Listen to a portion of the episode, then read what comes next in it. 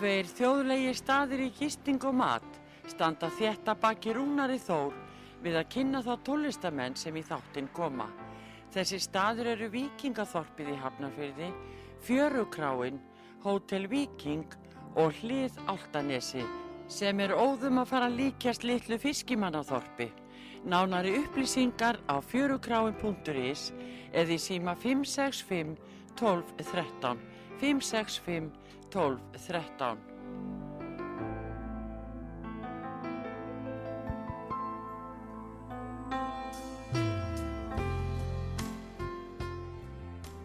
Já, góðan daginn, þú ert að hlusta þáttinn Slappað af og ég heiti Rúnar Þór og það er góðu gestur hjá mér í dag, eh, gítarleikari og lagahöfundur og, og svo segir hann restina sjálfur og eftir, þetta er Átni Blandón, gítarleikari í, í töturum, er það ekki, er er þetta ekki alltaf tengdur við þá bara? Jú, jú.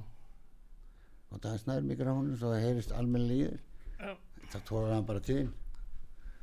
Já, gítarleikari í töturum. Já. og hérna, ertu, ertu reykingur eða? Er alveg upp í Kópói aðalega. Já, Þannig að grunnurinn í tónlistinni var í Gagfræðaskóla Kópóks. já, já, ok. Tónlistskóli? Nei, nei. Já, fyrst var ég bara í Kásniskólanum hjá Karli Jóntansinni að læra harmoníku. Mm. Og harmoníkun er mjög góð til að læra á vegna þess að fimmundarhingurinn er í bassanum. Láttu mig þekka það.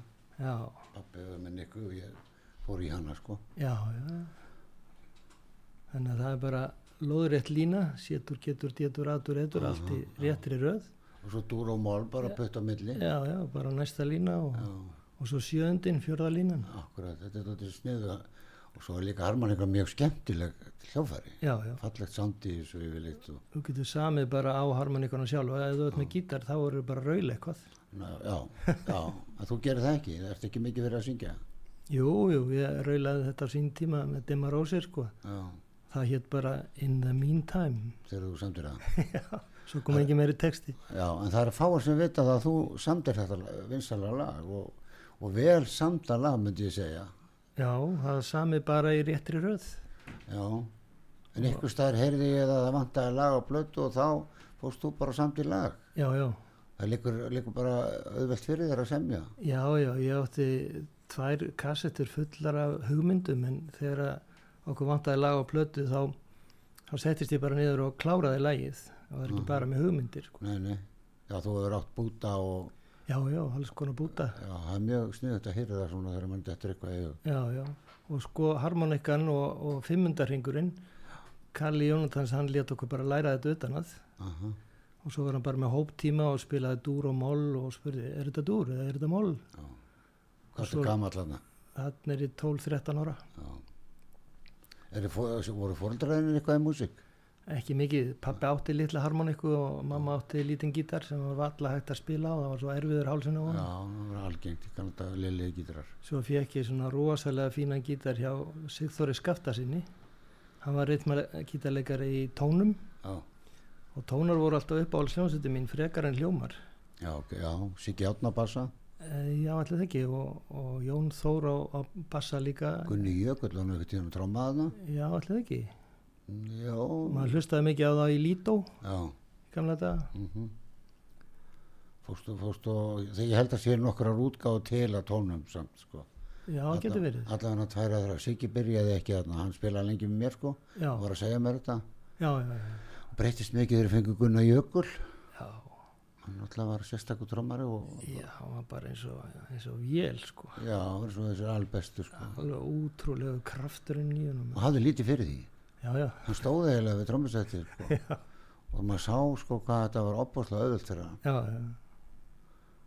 og hérna, já, og þú sem sagt er 12 ára bara og ertu byrjar að spila gítar þá bara strax eða? nei, ég fór að læra svo pínlítið hjá Gunnari Jónssoni á framleysveginum Mm. og hann vildi ken, kenna manni svona spænskan plokk gítar Já, ég vildi bara rockið. Já, já, og þá færði ég mig bara um hús á framleysveginum og fór í tónskóla Emils og lærði á munnörpu þar. Já, ok, sko munnörpu heimurinn hann er aldrei sérstakur. Þú ert með solomunnörpu með takka á hliðinni. Já, þá, ertu með svörtunóturnar í takkanum. Já, og svo ertu með rithmamunarpu, hún er alveg svona 40 cm lang uh -huh. með mismundi hljómum út um allt. Já, já, og svo ertu með bassamunarpu sem er mjög, mjög stór. Já, þannig að ef það er munarpu tríó þá eru allar þessar þrjár munarpur í gangi en aftur á móti sko blúsararnir þeir eru bara með munarpu sem er bundin við einn dúr. Já, já, og svo ef það er skiptum dúr þá eru bara skiptum munarpu já, mjög, menn sem er bara með kassa eins og Mick Jagger sko. Já, hann er bara með munnur upp kassa, hann sýnir hann á YouTube sko, tóntegundir. Já. en sko ákvörðu munnur hvað ákvörðu þetta er það ég Sko ég fór á tónleika í háskóla bjó ég man ekki hvort það var Larry Adler eða hvað en ég átti allavega Larry Adler munnarpu mm -hmm. Og þá reyfst ég bara af þessum já, og fór að læra á munnarpu og svo var ég í Kásnarskólanu hjá Karli Jón Tansinni þá var ég líka í Lúrasveit Kópavós hjá honum já, og var þar með Kitta Frænda Kristins Vafarsinni, það var á hotn það var B-hotn held ég að heiti. Já, þessi minni.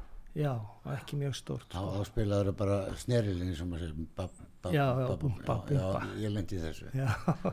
Á ég fór þetta er, en þetta skilar miklu. Þetta gerir allt já, ger allt og sko fimmöndarringurinn sem að lærið hjá Kalla og bassanum á harmonikunni mm -hmm. gerði það verkum að sko þegar ég sló þennan einfalda hljóm á gítarinn fyrir dimmar á sér já, e-mól, heldur bara neyri tveimur, tveimur strengjum.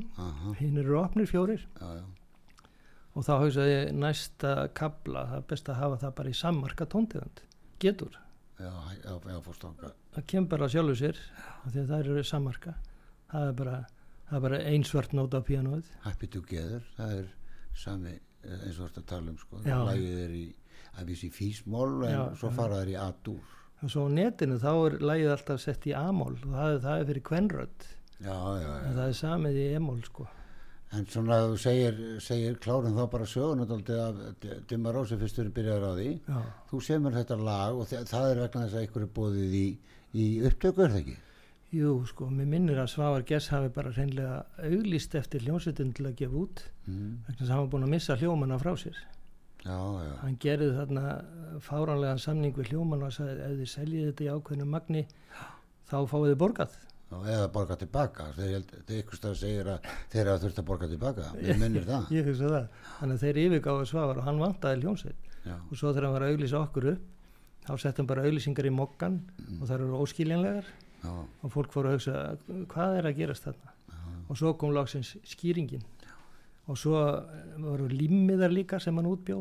Já, og svo náttúrulega eh, var svona utanum plötuna var viðtal við okkur alla. Já, og ég fór að lýsa því þegar hann talaði við mig þá sagði ég að hljómsveitin var orðin svo rosalega góð að ég var orðin lélegastur og ég er örgulega reiki næst En segðu mér, segðu mér samt svona grunninn sko að því að vinur minn Jón Ólafsson, hann er yngre en þið og hann lendir í ljónstinni, hún er stopnuð?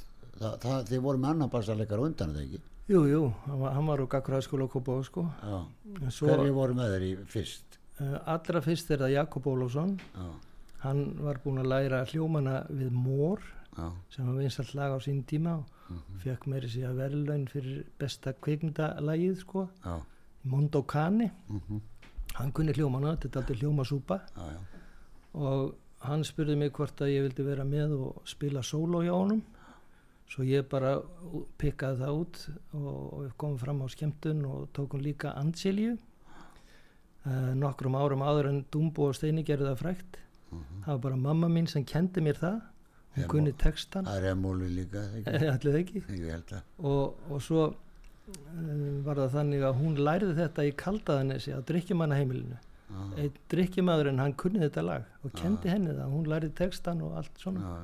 Vinsallag, Já, virkilega flott. Og, og Sigurjón Hilariusson sem sá um félagsmálin þannig gaggræðaskólinum hann var svo yfir sig ánaður með okkur. Tveir gítarist er að spila og hljómatni fínir og allt svona já, og, hljó, já, og flott lag, óbúslega fín lög sko. En þarna eru er, er þá tatarar að vera til eða hvað? Nei, það, það er aldrei í það sko. Tókum svo bassarleikara með okkur Já, og síðan trómuleikara og kölluðum okkur takton. Og spiliðum meðal Krókfjör, Króksfjörðarnesi og það var á sunnundaskvöldi og þá var Steppi Eggers komin að syngja með okkur og svo þurftum við að mæta sko klukkan átta í skólan í MH við steppi Mhm. og við mættum bara klukkan átta. Og svo var einhver kennarafundur einhver tíman eða foreldrafundur í skólanum og það var sagt já þetta eru duglegir strákar sko. Það eru spila á sundarskvöldum langt út á landi og koma svo bara sofa í 2-3 tíma og mæta svo í skólan Já, og þú ert að tala um pappa Óla Steff Já, og söngvara. Já, hann hefur ekkert verið að syngja neitt meira en þetta? Hann var bara í kórum.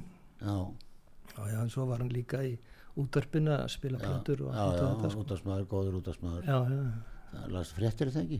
E, ég veit það nú ekki en, en ég hann var sko, allavega að maður heyrði röddin í honum reglulega. Já, ég lendi því sko þegar ég var að ljúka fyrir hluta prófi í sálfræði Mm. þá þurfti maður að leggja greindarpróf fyrir einhvern. Já, og ég valdi steppa já, og hann kom út með 131 já, og þá er þessnir Óli eins og hann er sonur hans. Já, til dæmis. Já, vel hugsandi já, flottur, flottur maður. Já. en þið voru fimm eða ekki?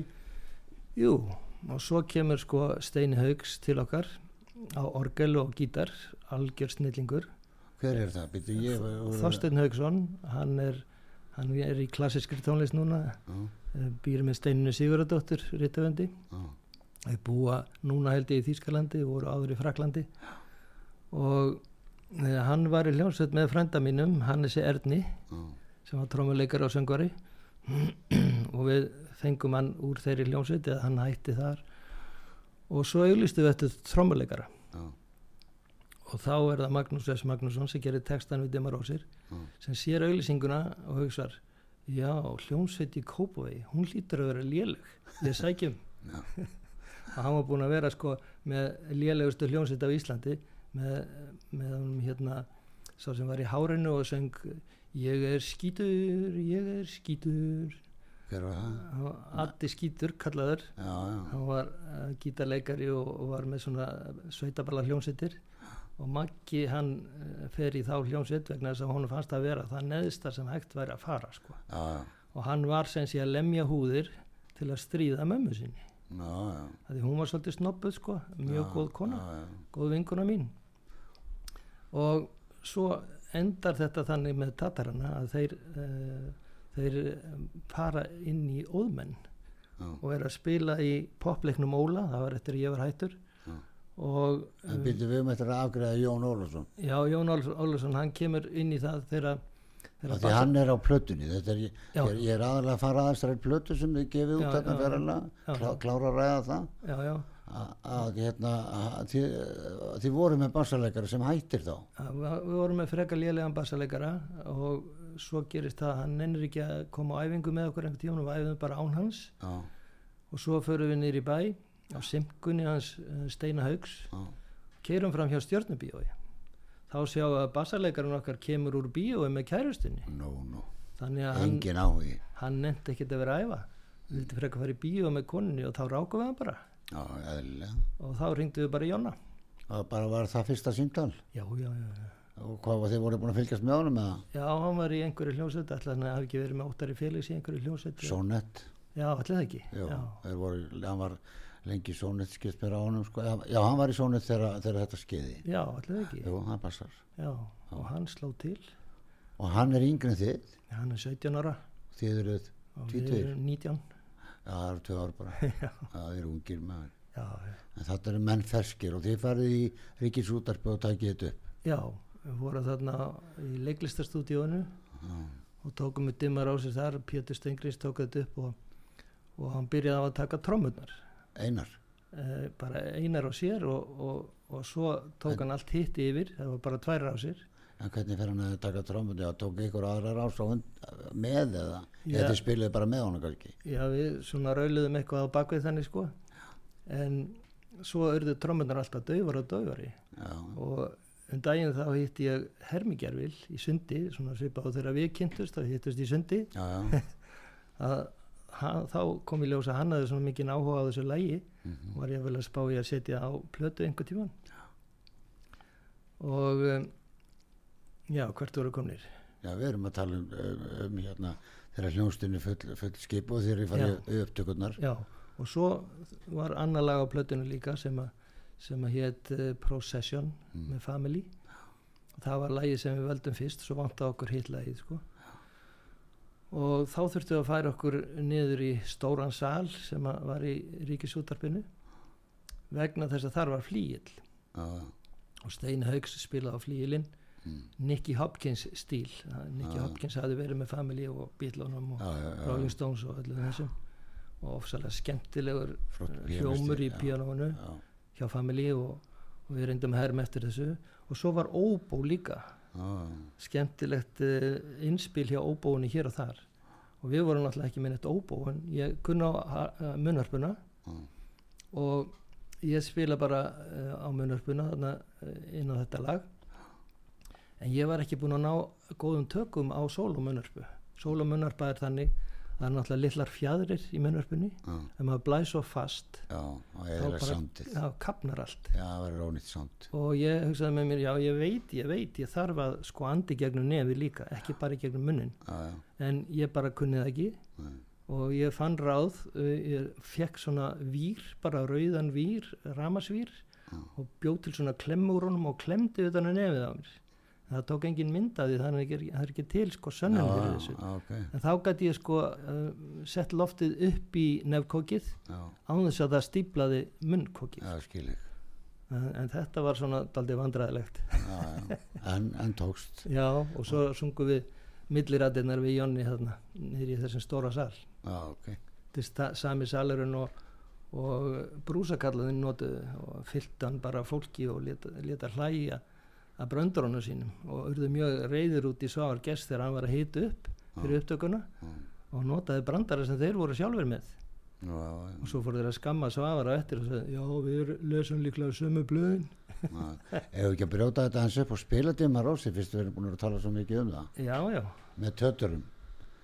Með að vera að finna tatara og Dimma Rósir við erum búin að ræða það svo mikið það er ekki, það er ekki takt að fara menn lenda alltaf í því sem koma hérna. Röðin er að raskast aðeins. Já já. Það er bara eftir hvað menn detta inn í, inn í spjallið sko. þetta er til í nokkrum útgáðum já ég vil tatara já. Við erum að heyra í ykkur bara mennina sem við erum búin að tala um. Já. Hlustum á tatara.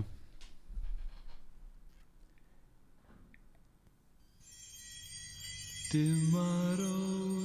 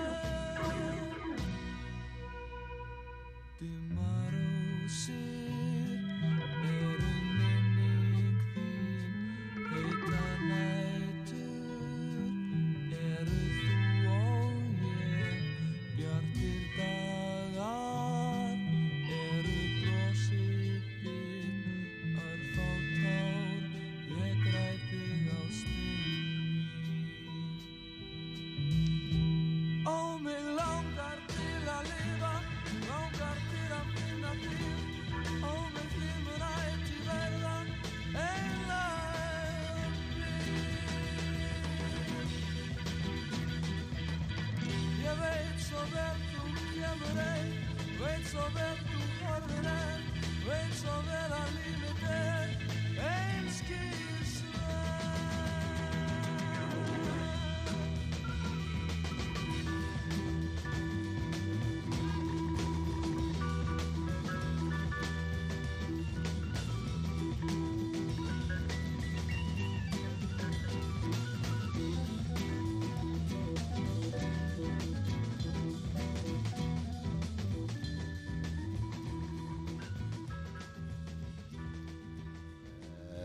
Já, þú ert að hlusta þáttinn slappað á og hjá mér er gítarleikari og lagahöfundurinn Átni Blandón samt í þetta frábæra lag. Já, við vorum að segja að það var ekki margir að gefa út svona típur af lögum á Íslandi. Nei, Ef, ef við höfum að kalla það svo, pop, nei, hvað hefur að kalla þetta lag? Hvar Já. fer þetta? þetta er svona eitthvað pop-rock bara. Já, þetta er svona Sati Peppers, svona einhvern veginn þegar bílarnir eru eru komnið þangað eða ekki? Jú, jú. 69, 70, hvaða ára er þetta? 70? Þetta er 69. Þetta er sama bara þegar bílarnir er að hætta. Já, já, einmitt. Já. Maður var búin að fá bílana alveg í æð. En hvernig var, settustu niður og útsettu þetta á æfingar húsnaði? Já, ég var að mynda að tala við Jónar um daginn og hann sagði, við vorum nú fljótir að útsetja þetta. Já, ok. Það náttúrulega munaði mest um steina á orgelið, sko. Já, þetta er flott. Fóruð þið með Hammond upp í útvarp? Já, já, og Hammondin, sko, Steini bara vildi fá Hammond orgel, Mm fer til Ameríku, fer inn í einhverja kirkju þar og bendir orgel og segir, get ég keft þetta? Já. Svo kefti það bara og kom með það. Já, ok, þetta er, þetta er ekki smá hlungar, sko. Og við spurðum hann, sko, var ekki gaman í Ameríku? Jú, sérstaklega þegar ég fór að hlusta á lúðrasveit og það var engin falskur í lúðrasveitinni. Já, það er sjálfgeft. Og svo þegar rótararnir okkar voru leiður á því að bera þennan rosalega hlung, þá sögðu þeir orgelið í svona lárétt í tvent Já, já. og tengdu alla tengingarnar aftur. Svo fóruð þeir að framlega þannig Hammond. Já, Tvekja borða með engum bótt, eða þú veist, það var bara eins og tvekja borða uh, hljómbort, sko, eins og Já, bara já. skemmtaröndin nema með ekkert undir, sko. svo lesleiði bara sér. Já, já, já. Var hann ekki með það? Var það Jú, með jú, það? jú, þarna líka, sko. Það hefur verið smá mál að koma sér það inn. já, Mm. Ég man að Kalli Sigvardsveitin spilaði með mér þegar kynsluðan var í, í hérna Hollywood, já, já, týnda kynsluðan. já, já, Hann voru við að spila uppi sko og Kalli var með mér þar.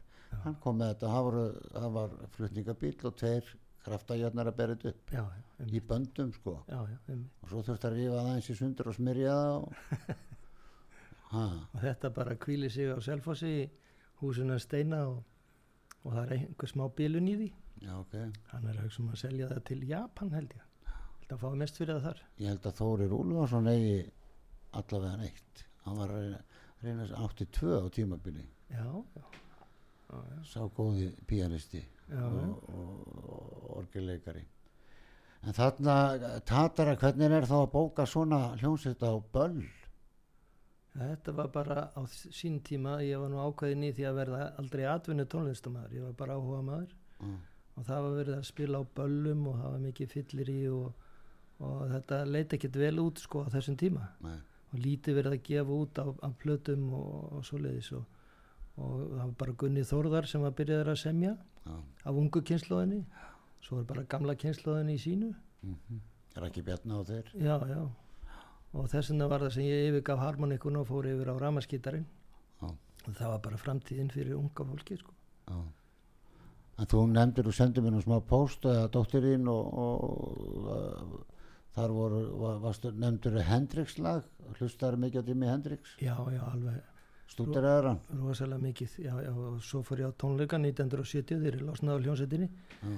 Losnaður Já, gæti verið allt sumarið að vinna bara í Kaupmannhöfn, ég ætlaði að vera sko í Englandi, London að vinna árið áður en gata ekki út af hljómsettinni vinna við hvað þá? Komst ekki, ég ætlaði bara að vinna sem þjóttn eða eitthvað svo leiðis í London. Já, en ég vann sem sé í Kaupmannhöfn hjá Búrmistur og Vein, mm, var bara aðstofamaður í Vélasal. Þar að vera að hefla knastása á fullu og svo framvegis. Mm og svo sáum við, fórum á tónleika já ok. Ég held ég sé eini íslendingurinn Þú hefur eitthvað þegið Eh, síðan? ekki mikið sko, Ekki mikið, bara rétt svona aftan.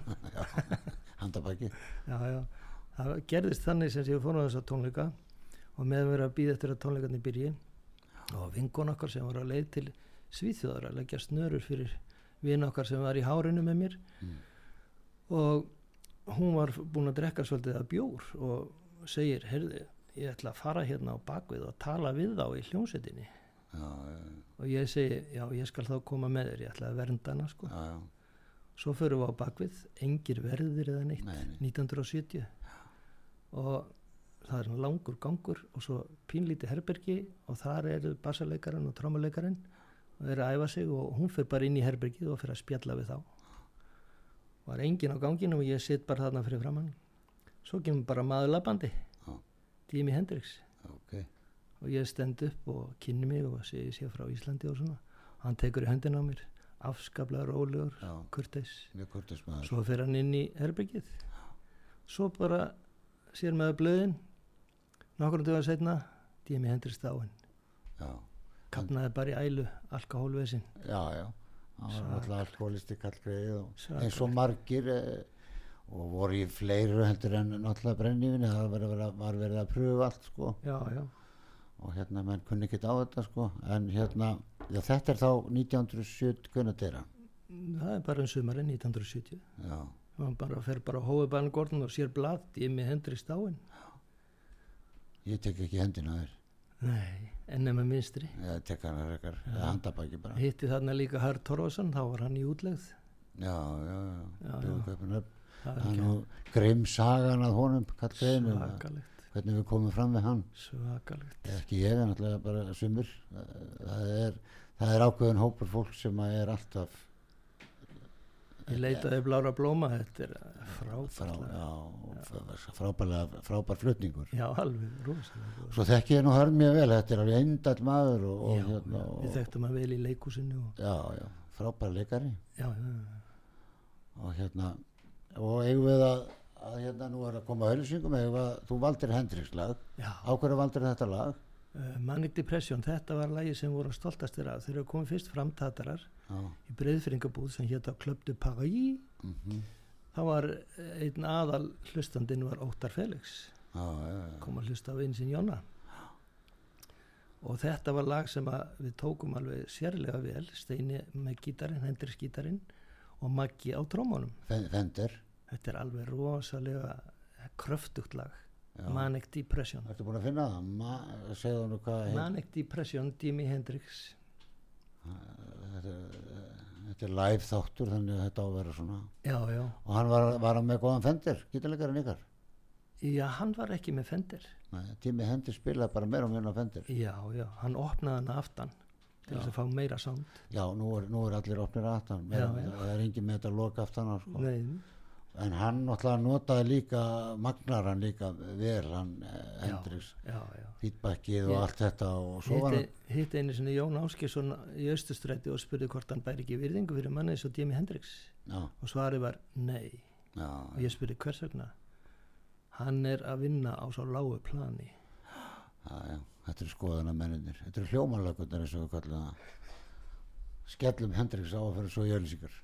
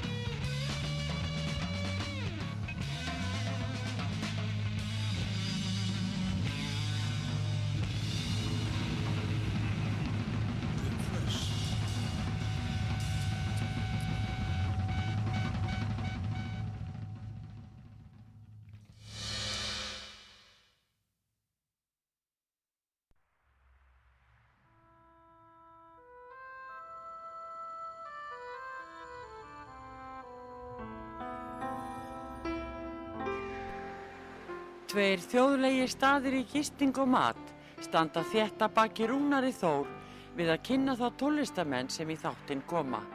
Þessi staður eru Víkingaþorpið í Hafnarfyrði, Fjörukráin, Hótel Víking og Hlið Áltanesi sem er óðum að fara líkjast litlu fiskimannaþorpi.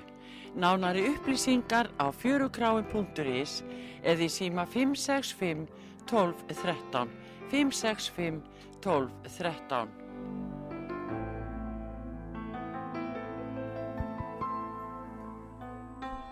Já, þú ert að hlusta á þáttinn Slappað af sem er bara orðin tíu ára gamall þessi þáttur og hjá mér er uh, tónskáldið, gítarleikarin Átni Blandón Tatara þekktastur kannski hjá okkur popparónu sem sem hérna lagahöfundur og gítarleikar í hljómsdynni Tatarar ekki? Jú, jú, Það er verið festist alveg við þig já, já. Já, þú ert ekki sáttu við það? Jú, jú, þetta var, uh, Dimma Rósir var vinsalasta íslenska lægið á sín tíma í lögum ungafólksins. Já, Við fengum þarna hálftíma eða klukkutíma á viku já, að hlusta á okkar lög. já, En söknuður með rúftops var alltaf efsta lægið í nokkra vikur. já, já, Það var útlenslag, sko. já, erlendlega, já. Það var svona, já, en, en vel sungið hjá Ara.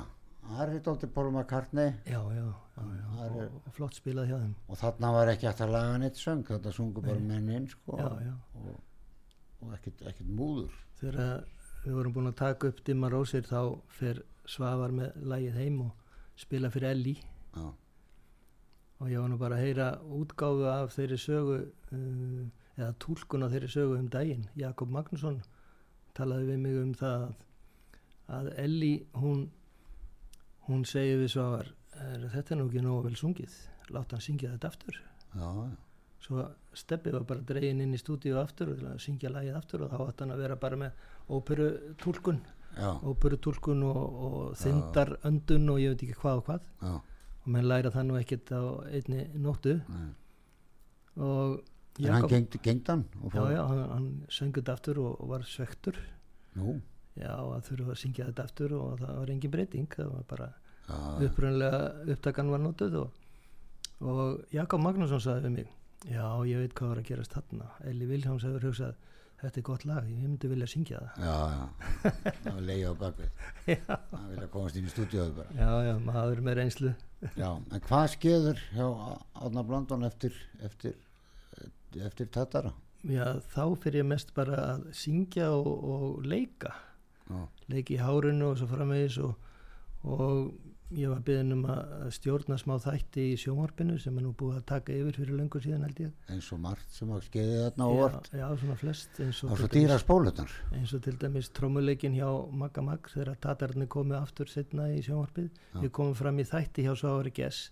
Svavar sko, hann passaði illa í sjónvarp hann passaði, passaði vel í útvarp Já, af því hann sást ekki en hann var með sko með túrett og Já. alltaf, alltaf að reyfa hálsin svona. Þröng skýrtan eða bindið eitthvað. Já, já, hann bara vissi sjálfsagt ekki að hann væri með túrætt sko. og, og svo um, já hvert var ég komin Og þú veist að tala um að þið farið í sjónvarp og tekið upp, upp, upp hjá rúf já alveg rétt. Já já. Og hérna tekið yfir það, trommuleikin, já já einmitt sem var ekki gott. Hvað ég, var þarna með þátt í, í, sjónvarpinu þá voru svona trúpadúrar að syngja Örn Bjarnason og, og Kristín Lillendal ekki Megas. Það var bannaður hann var bannaður og, og þegar ég var að leika í kertalagi eftir Jökul Jakobsson Já. þá valdi ég lag til þess að spila í verkinu uh, Without Love, Where Would You Be Now með Doobie Brothers Mhm. sýsti mín átti þessa plötu og ég sagði að textin passaði algjörlega við, lag, við leikritið. Já, og svo Jökull fekk mig til þess að stjórna uh, tónlist í páskaþætti sem hann var að gera. Já. og ég valdi Collegium Musicum frá Tjekkoslovakíu já, tvöfalt albúm með mjög fjölbreyttri tónlist. Þeir voru uh, svona daldið mikið í austrinu. Eh, kynntist eins og sé 1973 í, á heimsmóti æskunar ég var þá í stúdentarráði formaði mentamálanendar já, og fekk að fara þarna á heimsmóti æskunar og þeir voru bara eins og Emerson Lake og Palmer. Já, já, kollegið musicum og Þorstein Jónsson kvikmyndatökumæður hann, hann átti eintaka af þessari plötu og, og ég egnaði svo eintaki gegnum rúmenska vini sem ég hitti á ráðstöfni í Vínaborg. Og þegar ég var með hennar þátt þarna í, í sjónvarpinu og kynntist þá Kristínu Lillendal þá fekk ég hana til að vera með mér í barnatímanum í sjónvarpinu söngfuglarnir. Það var svona brúður sem voru að syngja eh, gömul lög, Já. barnalög. Og svo gáðum við þetta út Svavar Gess uh, gaf þetta út hjá okkur og, og ég gerði nokkra ja, nokkur lög við texta eftir Stefán Jónsson. Ó þessa tettum og óleikki snetta því aðeins sem leiða hann geng fæ óli sér bita, það engi má vita því óli svo vok og deng Já, svo ég gerði bara lög við þessa stuttu texta og þeir pössuðu ekkert mjög vel inn á plötuna vegna þess að aðalægið ég vil mála allan heiminn sem að Kristín söng. Hver samti það lag? það er held ég sænslag fundið út í Svíþjóð. Og, og ég kom heim með plötuna og svo notum við það á, á þessari plötu okkar söngkvöla plötunni sem er löngu uppselt. Ringdi í mig kona frá vestmanna í meinu sinni og sagði, heyrðu, geti ekki fengið eintakað þessari plötu, ég er búin að ala sko badn nummer eitt hjá mér að búin að ala það upp með þessari plötu og ég, nú er ég komið annað badn og ég vil fá eintakað af plötunni Svo komum barnabönnin. já og svo, svo vantar bara þessa plötu á markaðin Hvenær gaf, varstu, var hún gefin út? 70 og eitthvað? Uh, ég mann það bara ekki ætlaði ekki verið 68 jafnvel En uh, á hverju ert þú uh, svona hrifin að farin í leiklist? já það var bara fylgdi mér alveg frá barnaskóla að vera alltaf í leikritum Já, ég til dæmis lék í gagfræðaskóla þá ég mann sem var hlaupa skjálta það þóttu þú alveg að að því ég hristi aðeins munnin sko. Já, já, og Hjálmar Átnarsson hann lék læknin ok, svo fór hann á þing og svona. En sko það er svona, já, það er svona eins og maður hefur heyrt svona bara í þeir svona munnharpan og alltotnið og, og, og allt þetta sko og leiklistinn og allt og, og svo, svo þetta mann í hug lagins og dimma rósi, það er svona, þetta er ekki, þetta er ekki svona lagins og allir var, voru að gefa út, þannig að þú svona doldið leitandi er það ekki, já þetta er svona stemmingslag sko. Já, já, og ég var svo heppin að Maggi Max skildi gera góðan texta við það. Já, uh, sem ég sem lægið bara eftir að við erum búin að vera á æfingu eitt kvöldið. Mm. og svo kem ég með það daginn eftir bara á, á segulbandi. Og svo taka bæði Jonni og Maggi taka lægið heim með sér og reyna að gera texta. Gerðu báði texta. Já, já, og við steppið við vildum nota textan frá Jonna. Það var bara um krakka sem voru á leikvelli. Já, já, og okkur fannst sko hinn textin frá Magga hann gæti verið of væminn sko. Já, já, mjög einlagur og passar óbúslega vel við sko. og þegar við ákveðum sem sé bara í meiri hluta svona kostningu hvaða texta við ætlum að nota þá mm, kom í ljós að við vildum nota texta Jonna. En þá held Maggi ræðu. Já, já, og hann er svo eitt svo mælskasti sem ég hef kynst sko og gáðaðist því já. og þá ákvaðum við að bara nota textan hans. Já, ég spurði nú Jonna því sko hvert hann uh, myndi þennan texta? Hann man hann ekki. Nei, nei, nei. En sko þú ert fer bara í, í, í leiklist og, og, og hvað hva svo? Ef, ef við erum að fara að tala sko nú er klukkar kortir í já, og það er kortir eftir að þetta þannig að sko en þetta tímabil, hvað ertu búin að vera að gera? Svona, hvað hættur í tónlist alveg eða? Já, ég hætti alveg. Á, á, á hverju var eitthvað ástæða fyrir því og vildur ekki standi og nefndir ekki að standa í böllum sagður Nei, ég ætla aldrei að vera atvinna tónlistamæður sko. þú ætlaði bara ekki að vera Nei, atvinnutónlist þetta er eins og með Björk sko. hún var alltaf verið að, vera neyðana til þess að læra á hljóðfæri. Já, og hvenær sér þann að spila á hljóðfæri? Aldrei. Nei, hún, hún vildi semja. Hún vissi að hún vildi semja. Já. En það var alltaf verið að láta hana læra á hljóðfæri. En ég get líka sagt þér það sko þegar ég er í fyrsta bekk í gangfræðaskóla Já, þá er ég búin að ákveða hvað ég ætla að vera. Já, og þeir eru að reyna að kenna mér að reikna upp úr sviga og svona. Og sama hvað ég sagði við þá ég er búin að ákveða hvað er ég þarf þetta ekki. En sko þá, þá, þá getur maður ekki verið í skóla af þessu nei, nei. En samt er ég búin að vera atvinni spilari meira og minna síðan ég var bara 15 ára. Já, já, um mitt Svona er þetta misjant Já, En en núna fara að taka tillit til svona Já, hluta í skóla algjörlega. sem betur fer, það Já. fara ok, þessi er góður í þessu. Já, og svona, svona geta einstaklingar þróast sko, ég, maður, við þurftum að berjast á Ísafiri fyrir að vera bara í hljómsveitum yfirleitt. Já, það var bara eftir að vinna? Já, einmitt. Það var bara stanslustur að segja að maður eftir að mæta í vinnu? Og hvað ertu að nei, já, ég þérna bara vel á helgum. Ég hefði ekki þurft að endilega vinna skilur Nei, nei.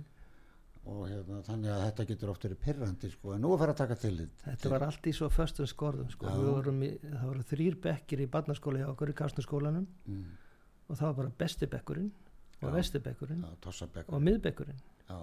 Allt raðað í svona bara kassa og það, þeir sem voru í besta bekknum þeir áttu bara fyrir háskólan já, nákvæmlega. Já, það, og það er bara þessi nefnt að læra heima sko. Já, já, ég er einn af þeim sem fór bara í fótbolta og bróði minn eldri var að báðir heimir már fréttamaður og Já. þetta eru, þetta eru strákar sem maður nefnt að læra Já, en ég fór í fótbolta.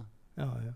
Og mér hefur ekkert gengið verið í lífinu þetta eru þeir sko. Nei, nei, þannig að sem betur fyrir er farið að, að, að, að hlusta á hvað hva, ykkur vill fara í tónlistaskóla ykkur vill fara í leiklist já, já, og þá getur hann sleppt, sleppt í að það eru komin að tölfur sem er að sjá um þessa svega sko, já, já. Er það ekki? Heimir Már bara að leysa verkvallið og svona? Heimir var að lesa verkvalli, bara í beinni, leistur ekki vel á það. Jú, hann er frábær fréttamaður Heimir, já, já, vanda, vandaður.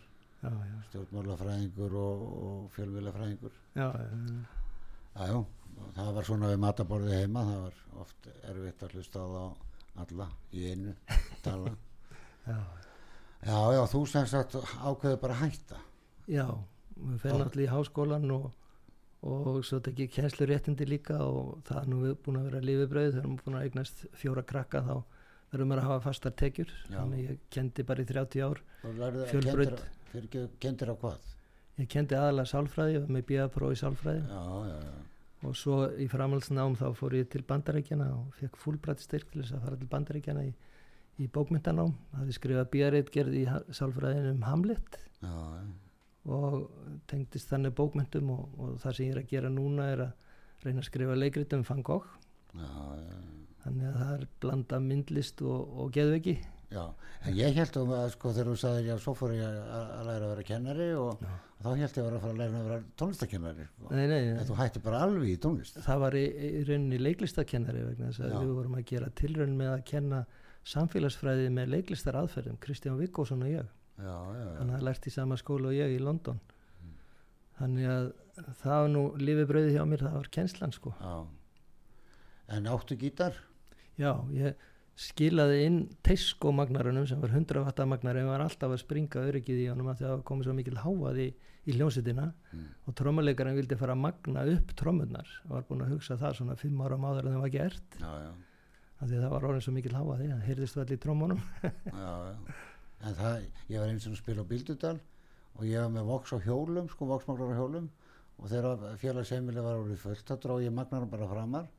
Og þá var Rúna Vilbjörnsson með mér á trommur og hann kom bara með trommusett á eftir mér.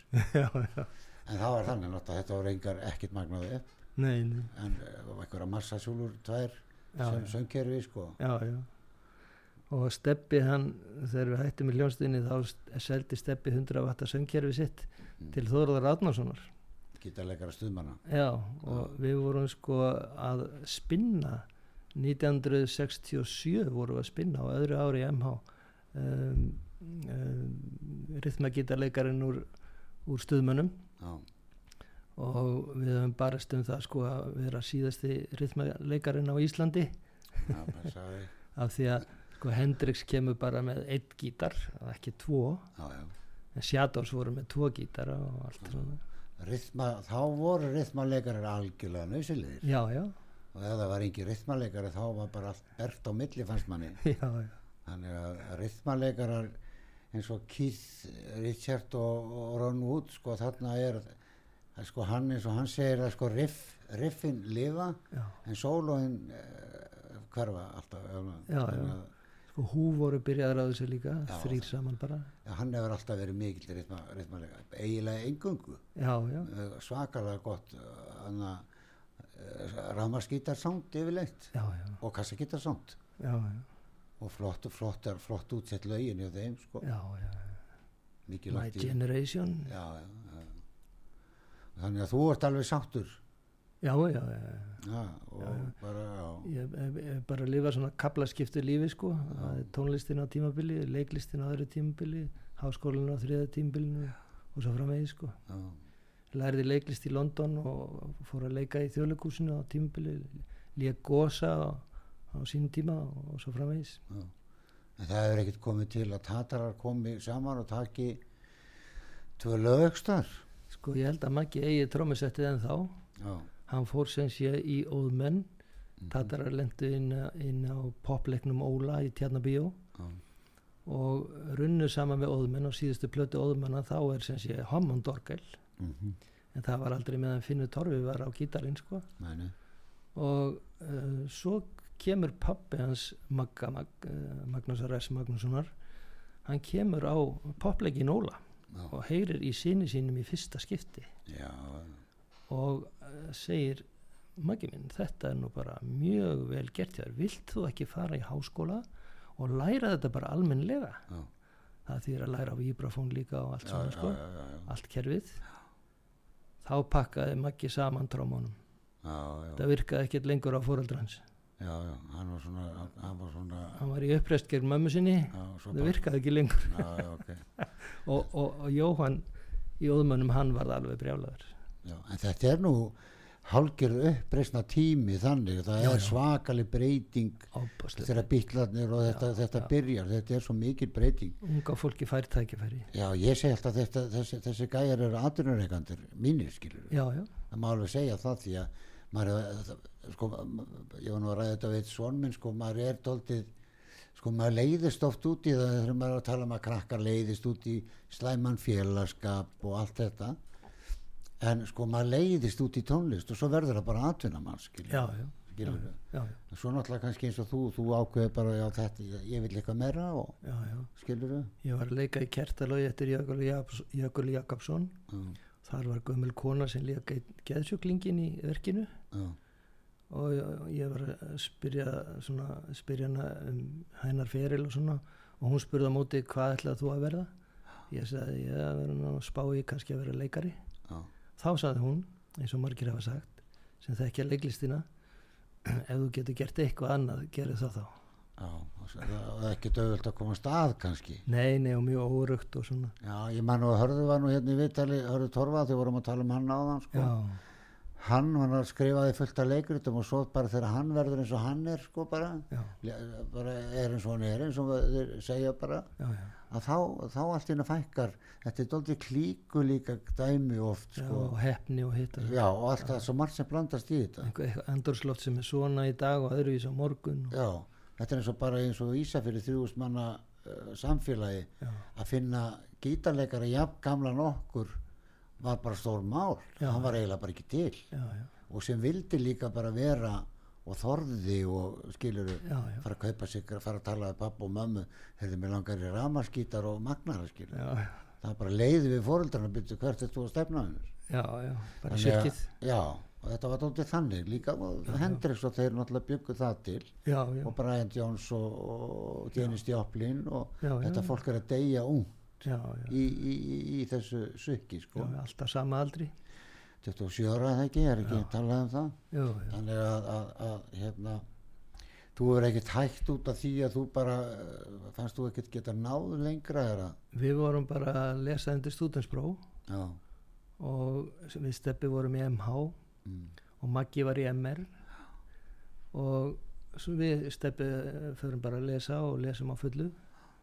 Og svo bara fréttum við það út í bæ að tatarnir eru byrjaðar aftur og Maggi búin að fresta stúdinsprófinu nú. Þannig að það var það sem gerðist.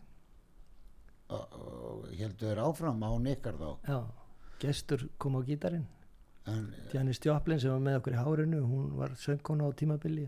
Já, fræg og góð söngkona var í Cats í London og svona. Já, frá, og það er systur frábæra söngkonar Dennis Karol eða ekki?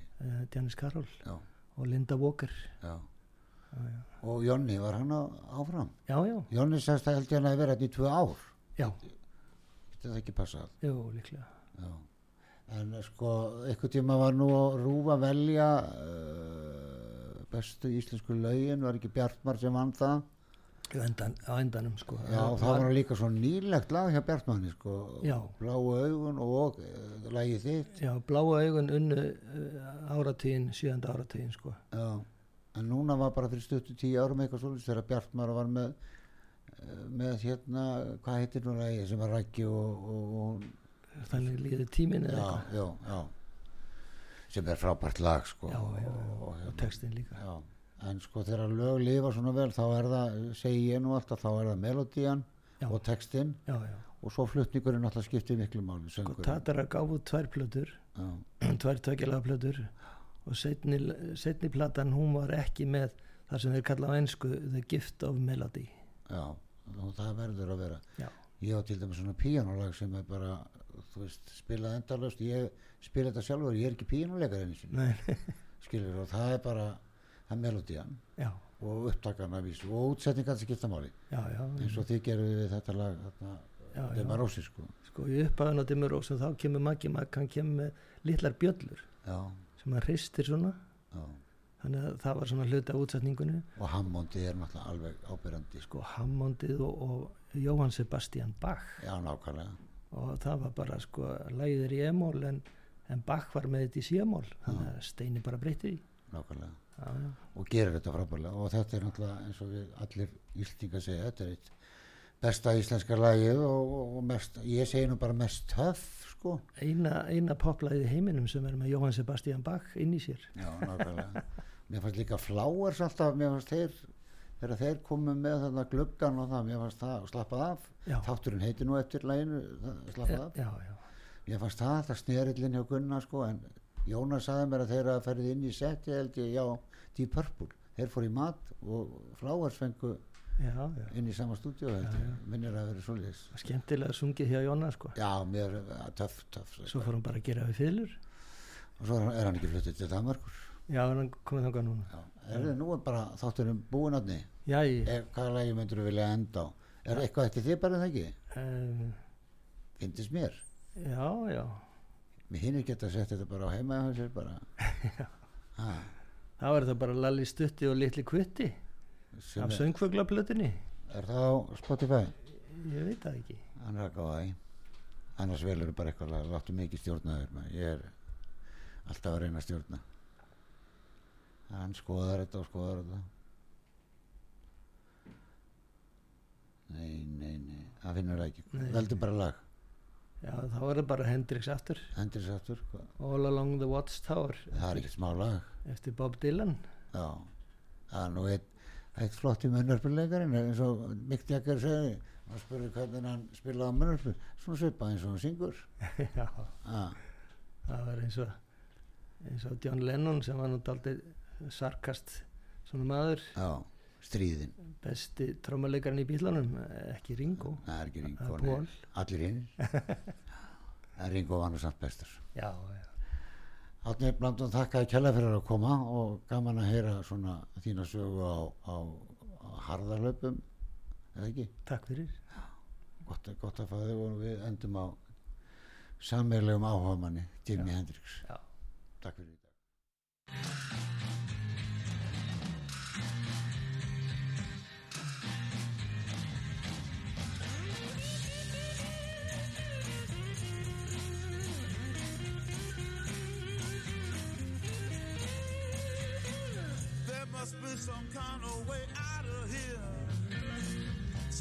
joker to the thief. There's too much confusion.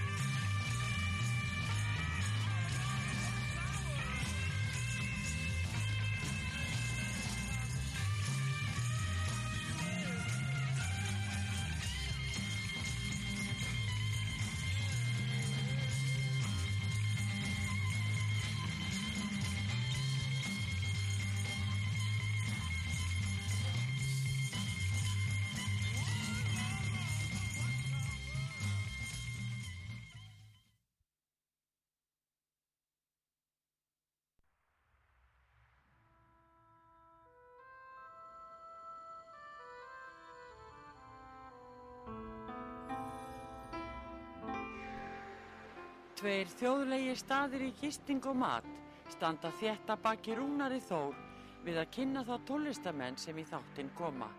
Þessi staður eru Víkingaþorpið í Hafnarfyrði, Fjörukráin, Hótel Víking og Hlið Altanesi sem er óðum að fara líkjast litlu fiskimannaþorpi. Nánari upplýsingar á fjörukráin.is eða í síma 565 12 13 565 12 13